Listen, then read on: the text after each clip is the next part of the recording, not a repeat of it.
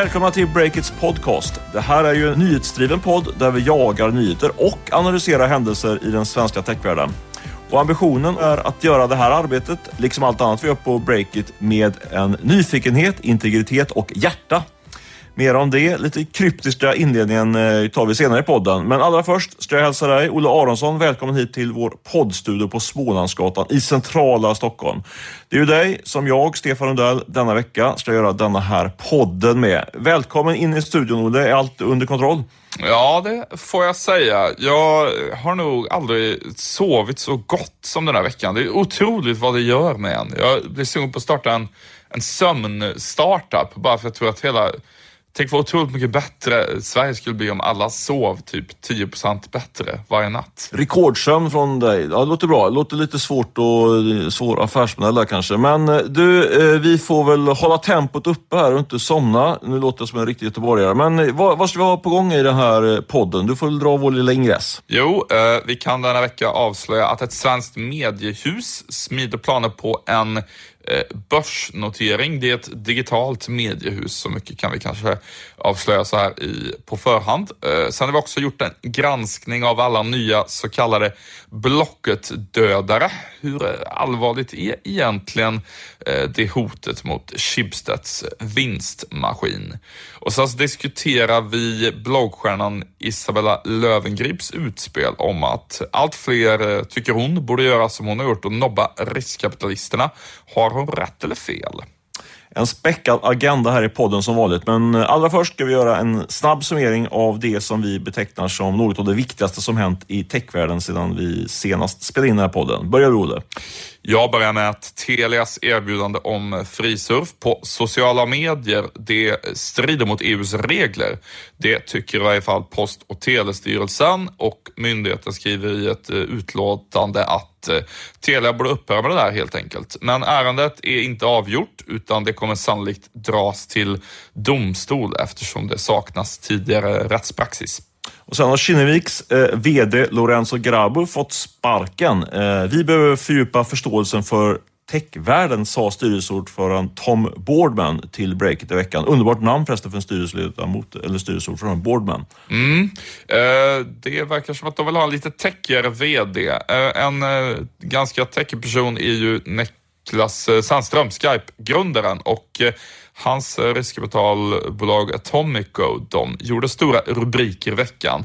De har ju varit med och investerat 100 miljoner i ett företag som heter Lilium Aviation och de utvecklar en ny typ av futuristiska flygplan som ska kunna eh, starta och landa helt vertikalt, alltså ja, rakt uppåt och neråt helt enkelt så att man inte behöver några landningsbanor. Spännande det där. En annan spännande nyhet var att Fingerprint Cards tidigare VD Jörgen Lantto nu i veckan investerade 5 miljoner kronor och gick in i styrelsen för MyFC som är ett börsnoterad, en börsnoterad svensk startup som utvecklar bränsleceller för mobilladdning. Mm. Eh, och mer på investeringsfronten. King-grundarnas riskkapitalbolag Sweet Capital, de ledde rundan när Malmöbolaget Arthro Therapeutics tog in 20 miljoner kronor. Väldigt intressant bolag Arthro tycker jag. De har tagit fram en digital plattform som hjälper artrospatienter att få mindre ont. Den här veckan sponsras vi än en gång och vi är väldigt tacksamma för det, att Miss Hosting är med oss vecka ut och vecka in. Eh, de är alltså vår sponsor till den här podden och eh, de har också ett eh, konkret budskap till alla våra lyssnare där ute i Sverige och övriga världen. Eller hur Olle? Ja, om du ska starta en ny sajt nu så behöver du förstås fundera på vilket domännamn du ska ha. Och just nu så har Miss Hosting Eh, väldigt bra erbjudanden på vissa lite mer moderna domäner. Det är inte de klassiska .com och så, men om du till exempel vill ha eh, .trade eller .party eller eh, en rad andra domäner som de erbjuder så kan du få det nu via Miss Hosting för bara 9 kronor första året, det vill säga ingenting. Det börjar bli mer modernt med lite andra typer av domännamn utöver de, de klassiska. Det blir mer accepterat tycker jag. Ja, .party lät ju som en riktigt, riktigt spännande domänadress. Intressant. Vi tackar därmed Miss Hosting för veckans eh, sponsorskap och ni kommer då höra mer om dem framöver här också. Tack så ni ha Miss Hosting. Då ska du Stefan bjuda på en nyhet om det digitala mediehuset Nyheter 24.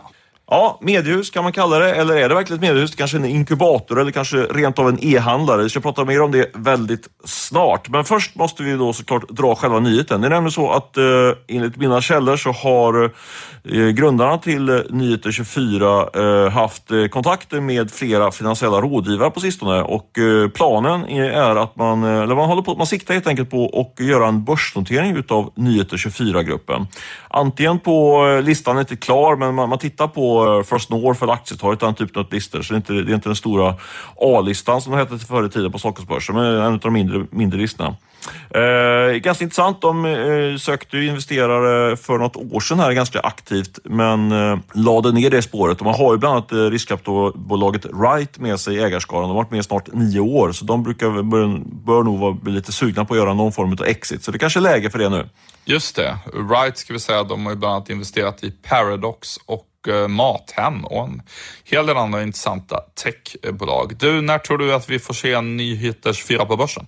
Jag tror inte vi kommer få se det den närmaste månaden, utan jag skulle se, om jag skulle spå utan att veta, eh, inom 12 till 24 månader tror jag skulle kunna vara någon form av arbetshypotes. Eh, och när de då hamnar på börsen, om de nu gör det, de har inte tagit några definitiva beslut, utan det är mer att de börjar, har börjat diskutera det här, så kommer de också göra det under nytt namn. För det var ju som jag, vi, vi började här lite grann och snacka om huruvida Nyheter 24 är är ett mediehus eller något helt annat. Eh, och Nyheter 24 är ju, är ju en, eh, definitivt en nyhetssajt som riktar sig mot en yngre målgrupp.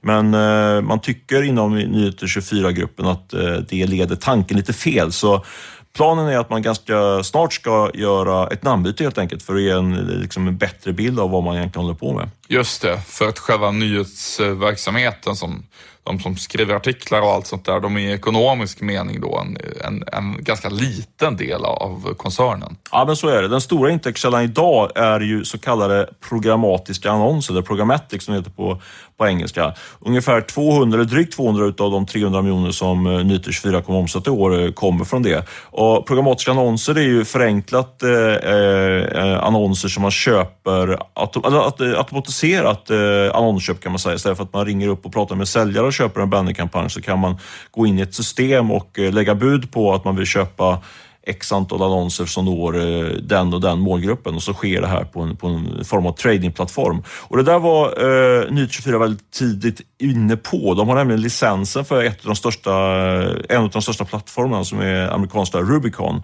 De har den licensen i, på den nordiska marknaden och det går verkligen som tåget. Den där marknaden har ju exploderat. Det är där den stora tillväxten i den digitala annonsmarknaden eh, finns nu. Eh, vid sidan av eh, mer så, så, kallade kreativa lösningar som handlar om eh, eh sponsorartiklar och liknande. Men traditionell bannerannonsering är ju, är ju på nedgång får man säga. Eh, rätt intressant det där tycker jag just om vi, om vi ska vrida, vrida eh, fundera lite grann på vad det får för konsekvenser och, har, och vi kan titta på Nyheter 24 som ett case då. För eh, man ser då att eh, intäkterna för, alltså Nyheter 24, nyhetssajten Nyheter 24 har ju väldigt hög trafik, har väldigt många kontakter som de skulle kunna sälja till, till eh, annonsörer. Men i och med den här eh, programmatiska utvecklingen då eh, så får man rätt dåligt eh, betalt för det. För priset på, per kontakt sjunker generellt på, på den digitala annonsmarknaden och man sitter med ganska stora lager som man inte får sålt helt enkelt. Eh, och det där tar då Nyheter 24 konsekvenser av faktiskt idag när vi spelar in, eller imorgon, eh, vi spelar in här på torsdagen, men på, imorgon så ska de lansera en liten e-handel på Nyheter 24 som jag tycker är ganska spännande. Eh, det är liksom en, en testballong kan man säga. Man ska försöka sälja en collegetröja som man kan gå in och designa själv eh, i korthet. Man får väl söka mer information om det där. För jag, jag tycker inte själva det är det mest intressanta, utan intressant är eh, skiftet där från att man säljer eh, annonskontakter till att man själv eh, sätter upp en e-handel och utnyttjar den stora trafiken man har på sajter som blogg.se och Nyheter24 Eh, och skjuter då annonser och antar då eh, mer kreativa lösningar mot, mot de här kontakterna för att få dem in, uh, unga kvinnor är ju målgruppen i det här fallet, uh, få dem in och uh, helt enkelt beställa sig en, en collegetröja ut, utifrån eget format.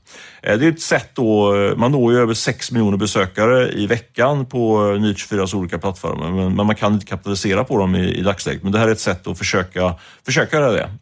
jag tycker det är spännande. Vad, vad tycker du Olle? Är det, är det rätt väg att gå för Nytt24 och kanske för flera andra stora mediebolag? Det känns väl logiskt för eh, vissa mediebolag. Eh, man tar en större del av värdekedjan om man ja, mer tar kontroll direkt över transaktionen eh, snarare än slussa folk vidare till någon sajt där det kanske är ett köp eh, eller inte. Ehm, vi ser ju redan en hel del startups också som, eh, som hjälper publicister med lite där. Jag tänker till exempel på Tipser som ju um, ja, satsat stort i år efter att ha tagit in en större runda riskkapital. De har ju ett, eh, en teknik som gör att man liksom kan bygga in en webbshop på lite vilken publicistsajt som helst. Ehm, det funkar inte i alla miljöer. Eh, I eh, artiklar om presidentvalet i USA eller kriget Syrien eh, eller så, så kan man ju, det kan vara lite svårt kanske att se e-handelsverksamhet eh, framför sig där, men på en del eh, ja, livsstilssajter exempelvis, eh, som ändå kanske handlar mycket om mode eller vad det nu kan vara där. Kan det då funka kanon tror jag. Mm. Nej, men eh, jag är nog med det. Samtidigt ska man ju såklart, lite grann som du flaggar för också, men eh, ha respekt för det här. Det är inte så, det är inte så enkelt att dra igång en e-handel det är, och det är, väldigt, det är en riktigt lågmarginal business. Liksom. Så det, det är inte så att det är jätte eh, bara gå all in på det här och sen så har medie, mediebolagen löst, eh, löst sitt problem kring de eh, digitala annonsintäkterna. Men jag tycker det känns lite pikt utav Ny24 att testa det här och de har ju, vad jag vet, förstått eh, större saker på gång senare under nästa år där man, där man gör en, en större satsning. Liksom. Men, men det handlar ju om att etablera kontakter med någon som ska, som ska sy upp de här tröjorna och man ska ha en Eh, logistik för att skicka ut dem och så vidare. Så det, det är inte sådär som något man snyter ur näven direkt. Eh, ett liknande exempel är ju Schibsted då kan man ju säga som varit gått ifrån, alltså med, med som frontar eh, Lendo, Blocket och, och, allt vad de heter eh, mm. via sin, sina, sin plattform. Det är ett annat sätt att man köper upp eh, befintliga e-handlare och, och frontar dem helt enkelt. Ja, verkligen. Och I grund och botten handlar det väl liksom om att medier har användare, men tjänar inga pengar på dem. Och Ehm, e-handlare och fintechbolag och så, de har produkter som folk vill ha, men de når inte ut med dem till användarna. Så att på så vis är det man kompenserar ju varandras brister åtminstone, så så vis kan man säga att det är bra. Och samma tema är väl eh, det som vi såg i veckan, är att Hanna Videll och Amanda Schulman eh, via sitt eh, bolag Perfect Media köper det här skönhetsvarumärket Corinne and Friends. Och de skulle då använda sin podd och sina sociala kanaler, de är väldigt, väldigt stora, och marknadsföra det här skönhetsvarumärket. De följer väl, går lite grann spåren på Isabella Löwengrip som är en annan profil som har gjort den resan. Eh, som vi pratade om i, i förra podden. Ja, men precis. Hon blir ett liten följetong. Men jag måste erkänna att jag är lite, lite, vad ska man kalla det? Inte fascinerad, men jag, tycker, jag, tycker, jag tror att hon har, är inne på något väldigt intressant spår. Någonting som vi kommer få se mycket mer av framöver. Det, det spännande är att hon, vi snackar ganska mycket om det här att, eh, att influencers som ska börja kunna kapitalisera på, sin, på sina stora följarskaror. Men hon gör det verkligen på riktigt. Hon har ju, har ju lanserat det här kosmetikbolaget Löwengrip Care Color och det går ju som tåget. Det kommer ju omsätta över 50 miljoner kronorna står med lönsamhet. Eh, det som är intressant med Isabella Övergrip är att hon nu i veckan då eh, var ute och snackade på vår sajt. Eh, för nu, nu står ju riskkapitalisterna verkligen på kö för att investera i det här snabbväxande bolaget. Det är ett jättespännande case att ta utomlands. Hon har ju redan gått in i, på vissa eh, utländska marknader.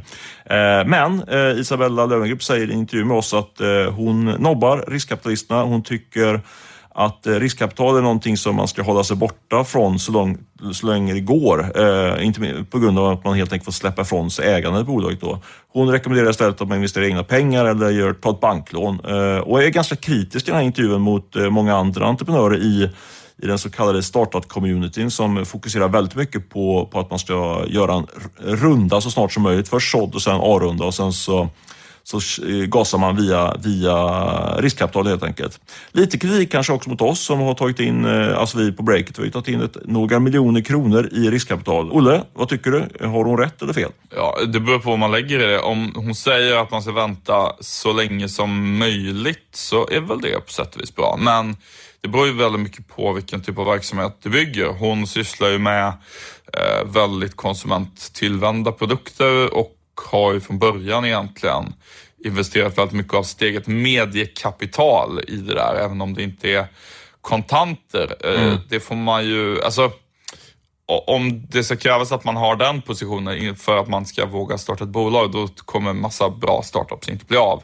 Eh, jag tänker det har väldigt mycket att göra med vilken typ av verksamhet du egentligen drar igång. Eh, alltså, om du till exempel ska starta en digital signeringstjänst typ eh, Scribe eller någonting sånt där, då finns det nog väldigt stor anledning att liksom ta in riskkapital när du ska börja växa. Det är långa säljcykler ja, ganska stor eh, sannolikhet att det liksom inte blir någonting. Eh, jag tänker på, vi ska prata senare i podden om sådana Blocket-kloner, också ett exempel där liksom Idag går det liksom inte att bygga en stor sån utan att ta in massa riskkapital. Det, då, då, då torskar du helt enkelt. Så att, eh, en e-handel, liksom en blogg, det som hon har rört sig inom, nej då, då funkar det nog. Men med andra tjänster tror jag inte att det funkar. Jag tror, jag håller med dig mångt och mycket, men jag tror att hon generellt ändå är något på spåret där. Att det är, har de sista åren varit för mycket fokus på på att man ska plocka in riskkapital och, och eh, växa den vägen. För då får man in eh, 4-5 miljoner kronor i kassan så tror jag lätt, som också Isabella Löwengrip var inne på, att man, att man eh, blir inte lika kostnadsmedveten.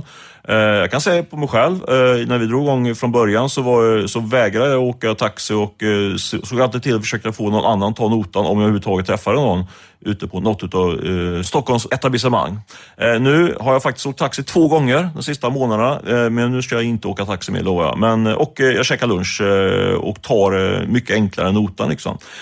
det tycker jag är i det lilla ändå. Liksom. Jag tror att man, det finns en risk att man tappar fokus och blir lite, lite mer slösaktig. Sen tror jag definitivt, precis som Jonas Olander, Avitos grundare, som vi hade i, på ett event här i början av veckan, påpekade, ska man bygga något stort globalt liksom, liksom, så då, då, krävs det riskkapital. Det är, det, det är, helt omöjligt att bygga, bygga det till exempel de som de, de byggde en Blocket-kopia i, i Ryssland som idag omsätter 200 miljoner dollar och gör en vinst på över 100 miljoner dollar på årsbasis. Det är fantastiska siffror.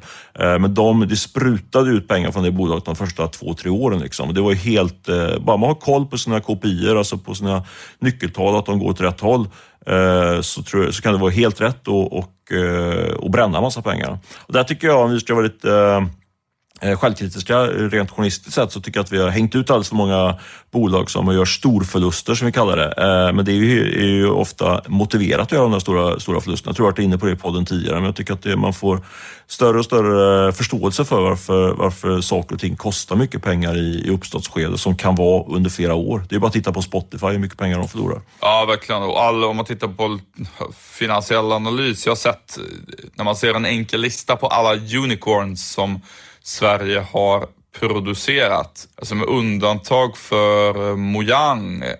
Det är ingen som har blivit en unicorn utan att ta in väldigt mycket riskkapital.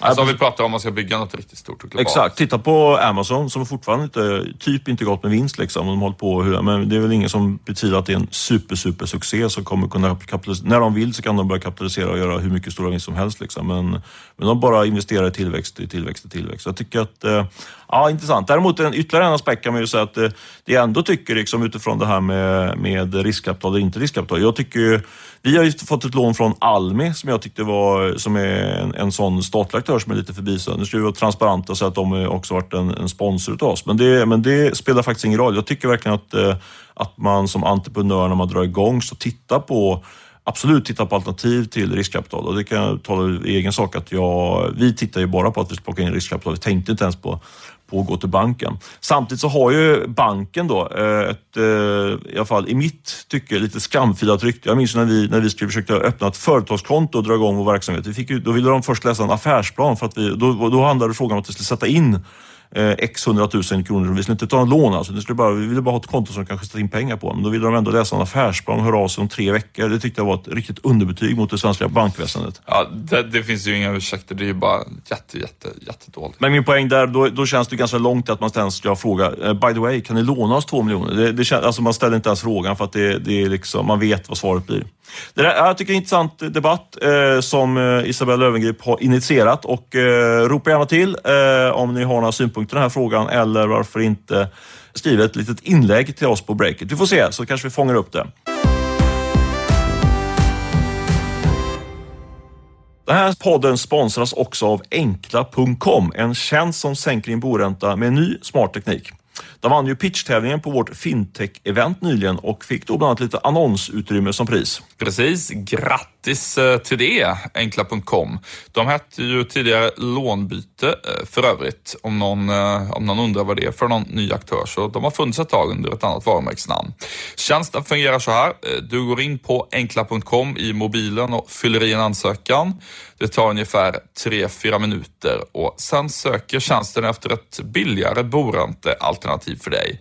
Och om de hittar det så kan de flytta ditt lån automatiskt med hjälp av mobilt eh, BankID. bank-id. Det krävs inga papper, inga möten och inget snack i telefon med någon rådgivare.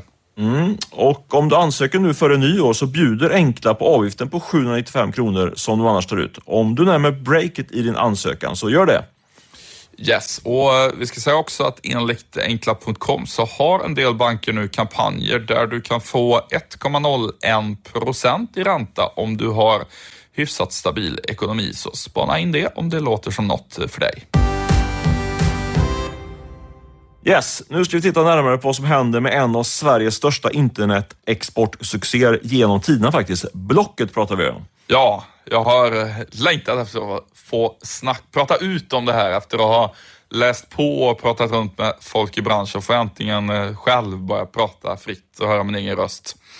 Uh, ja, men det har ju snackats i många år om att någon kommer att utmana Blocket och dess kloner runt om i världen. Och nu, nu börjar det hända saker på allvar. Ja, du säger att du har kartlagt branschen hela veckan. Vad, vad har du kommit fram till och hittat? Ja, inte riktigt hela veckan kanske, men jag har lagt en hel del tid på det. Uh, nej, men, uh, om man tar hela perspektivet först så um, man kan säga att det som många aktörer nu ser är att vi är på väg att få ett helt nytt skifte igen på den så kallade radannonsmarknaden. Alltså där man säljer begagnade cyklar och och sängar och vad det nu kan handla om. Spännande, vad är skiftet? Vi gick från tidningar till online. Det är väl det första antar jag skiftet. Eller vad är nästa? Nej, men det här är helt enkelt skiftet från eh, desktop till mobilen kan man säga. Och att eh, eh, i det här nästa steg så tror många tunga aktörer att marknaden liksom kommer i spel igen. Alltså att eh, Blocket och de andra marknadsdominanterna kan, kan tappa sina positioner i samband med flytten till eh, mobilen. Blocket kan gå samma öde till möte som eh, de stora lokaltidningarna gjorde i Sverige. Lite grann så, eller vadå? Exakt. Så Ja. de senaste åren har det ju mest kanske handlat om att Blocket öppnar i många nya länder. Vi pratade om Avito tidigare och så. Men det har ju mer handlat om en uppskalning av det konceptet. Ehm, Hur, hur stora är Blocket i Sverige? Hur mycket omsätter de? Vad gör de för vinst? Det är fortfarande en vinstmaskin eller? Ja, det- är absolut en vinstmaskin. Vi pratar eh, ungefär 100 miljoner euro på årsbasis, nästan en miljard i kronor. Och så har de då ungefär 50 procents eh, vinstmarginal. Eh, så att En halv miljard i vinst bara i Sverige alltså? Ja, det är, och det är lite roddigt med hur de redovisar det där Schibsted, för det finns ju vissa kostnader som ligger både i Sverige och Norge och sådär. Ja, men Men är den här, miljard. Ja. Det är spännande. Vilka är det som eh, utmanar de här då? För då förstår man att folk är sugna på, på att kapa åt sig en rejäl bit av de där, de där hundratals miljonerna. det är tre aktörer framför allt. Det är Let Go och Wallapop som är två såna appar som har slagits ihop. Eh, Det är Spock eh, som är en, Underbart spock. ja, Ja. som är en österrikisk startup från början och så är det Facebook faktiskt. Just det. Eh, Så att, eh, vi kan väl kanske traska oss igenom de här aktörerna lite, berätta vilka som står bakom dem en efter en, de som nu gör upp om vad ska man säga, västvärlden, herraväldet vad gäller sådana här Blocket och Blocket-kloner. Gör det. Let Go Wallapop vet jag att Norson är väl investerad i Let Go om jag inte minns fel va? Ja, Wallapop har Norson. Är Wallapop? Okej, okay. men jag vet att de har varit väldigt håsiga för Wallapop när jag har pratat med dem. Vad, vad, vad är det för spelare? Let Go snedstreck Wallapop? Ja, men Wallapop är Barcelonas hetaste startup. De är störst i Spanien och eh, Let Go är eh, den aktör som dominerar just nu, eh, inte den amerikanska marknaden stort, men det är största eh, vad ska man säga, appen vad gäller, vad gäller begagnat i USA. De utmanar ju Craigslist där. Eh, så det är den ena spelaren. Mm. Sen så har vi då Spock som startades eh, i Österrike från början som en startup. Och där har ju då Schibsted eh, köpt upp 91 procent förra året och sen lanserat Spock i Sverige. Den finns också i Tyskland, England bland annat. Och sen så är det då... Du kanske återkommer till det, men jag tycker ändå det är intressant det där med att uh, Schibsted liksom köper en blockutdödare på något sätt. Liksom. Men det, jag hoppas att du återkommer till det. Jag, tycker, jag har aldrig fattat riktigt det, logiken, men det kanske du kan uh, utveckla. Den tredje aktören, uh, vi får hålla lyssnarna på, på halster en stund. Det är Facebook. Varför är de den, det är kanske inte den första man tänker på. Nej, eh, men eh, Facebook de eh, lanserar ju Marketplace som deras sån tjänst heter i oktober och sen dess har Schibsted-aktien backat med 23 procent och Schibsted har som en konsekvens av det här faktiskt anställt 200 nya utvecklare till sitt tech-team för att utveckla nästa generation sådana här classified. Så det här är någonting som mm. handlar mycket om att möta Eh, hotet, De gick ut bara i veckan med att de skulle stärka tech-teamet ytterligare. Uh, väldigt intressant tycker jag. Uh, Facebook har ju ett antal egenskaper som passar den här marknaden ganska bra. Uh, lite hela grejen med sådana här radannonssajter, det är ju liksom att konsumenterna vill ju egentligen att allt ska finnas på en och samma sajt. Det finns en så kallad nätverkseffekt av att tjänsten blir bättre ju fler som använder den och det blir ett naturligt monopol när man lyckas. Eh, och Facebook har ju redan 450 miljoner personer av deras användare som sitter i köp och säljgrupper och ja, väldigt många har redan Facebook så att um, det finns en logik och en typ av, vad ska man säga, samordningsvinst där mellan att driva socialt nätverk och att, eh, och att köra en sån här eh, Blocket-klon. Men är det så, om man ska gå tillbaka lite grann till min frågeställning, är det så man ska tolka Schibsteds eh, eh, satsning i Säger man Shopbock? Ja, dåligt varumärke tycker jag, när det skrivs i varje fall. Ja. Det är en sammanslagning mellan Shop och Pocket och därför blir det Spock med SH i början. Okay. Säg Spock bara. Spock.